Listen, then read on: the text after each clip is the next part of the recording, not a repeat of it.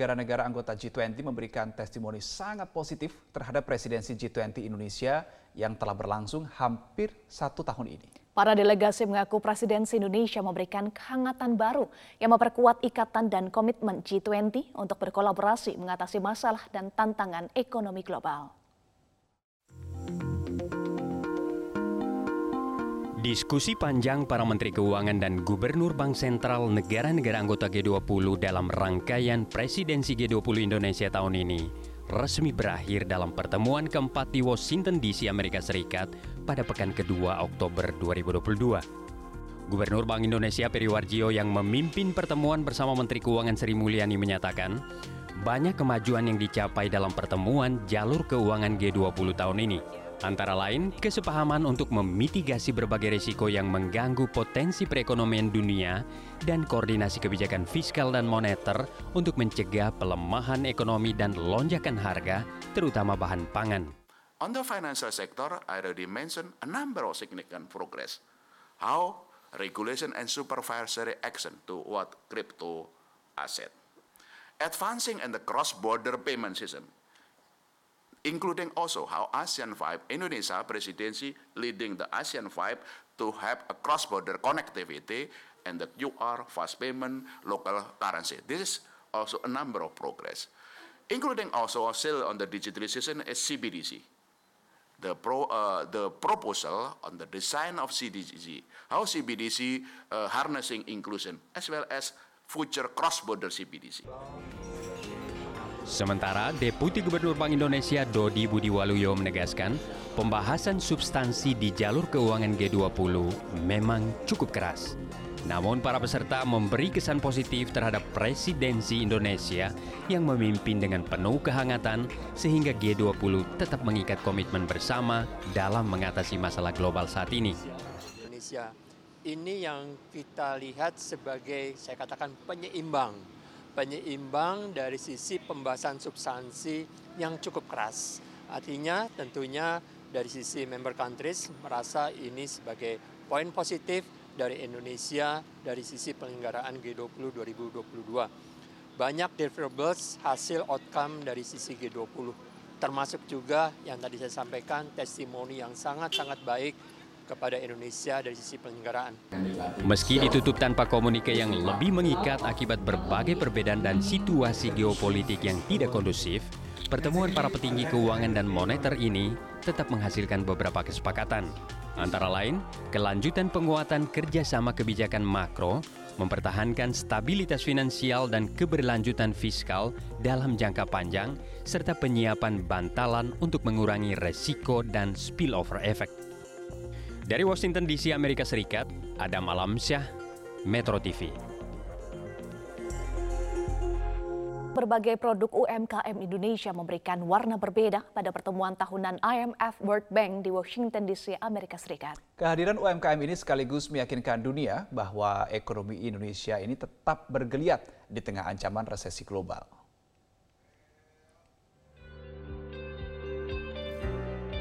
Suasana Indonesia sangat terasa di sekitar pertemuan tahunan IMF World Bank di Washington DC, Amerika Serikat, yang juga menjadi forum pertemuan terakhir para Menteri Keuangan dan Gubernur Bank Sentral dalam rangkaian Presidensi G20 Indonesia tahun ini. Berbagai produk UMKM Indonesia termasuk kopi hadir sekaligus memberi pesan tentang ekonomi Indonesia yang tetap bergeliat di tengah guncangan global.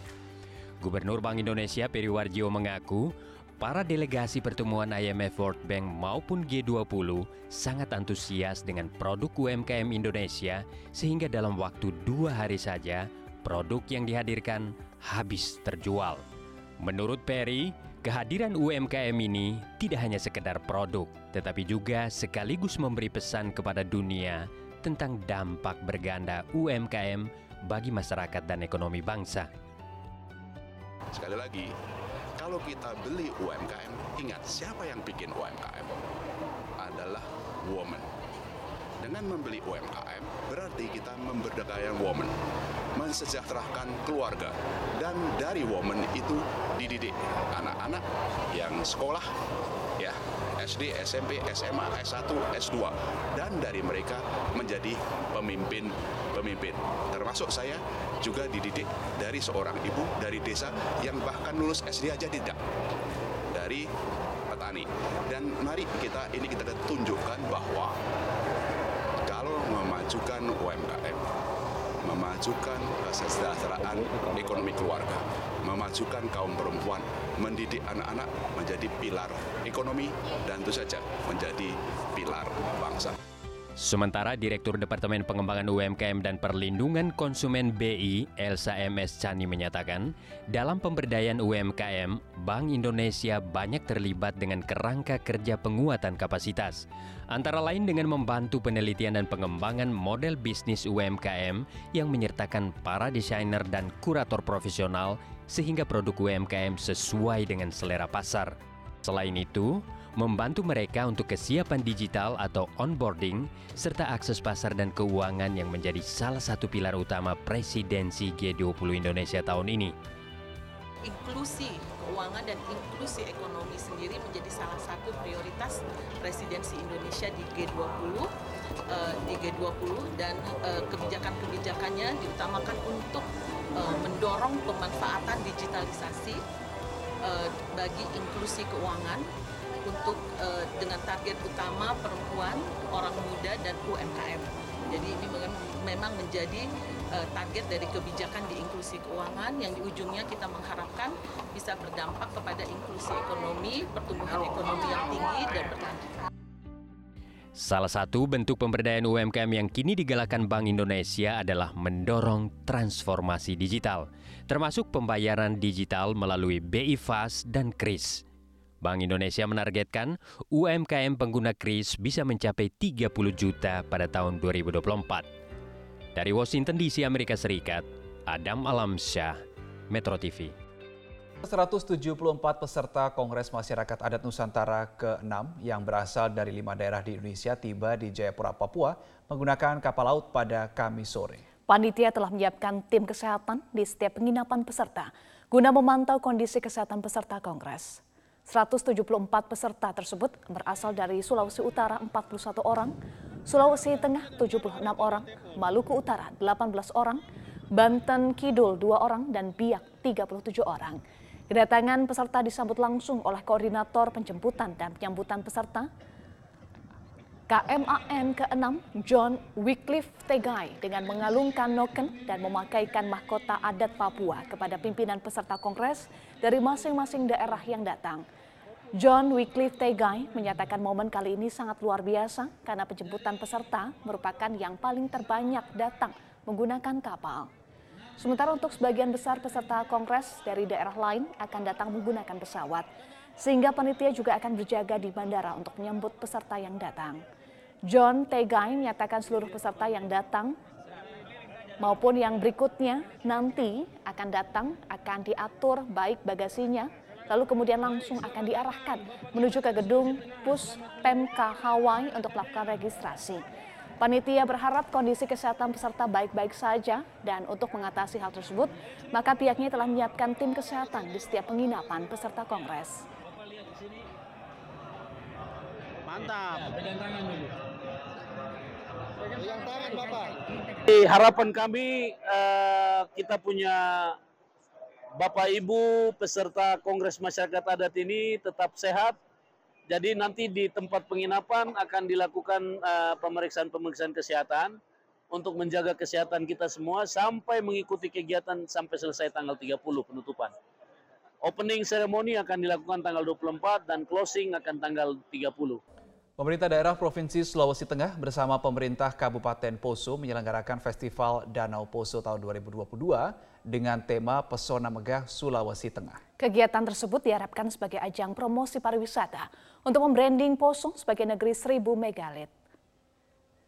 Provinsi Sulawesi Tengah bekerjasama dengan pemerintah Kabupaten Kemeriahan pelaksanaan Festival Danau Poso yang digelar di Kota Wisata Tentena, Kelurahan Pamona, Kecamatan Pamona Puselemba, Kabupaten Poso, Sulawesi Tengah, diharapkan menjadikan Danau Poso yang merupakan bagian sejarah peninggalan geologi sebagai situs geologi nasional, sehingga membawa Danau Poso sebagai situs geopark warisan dunia.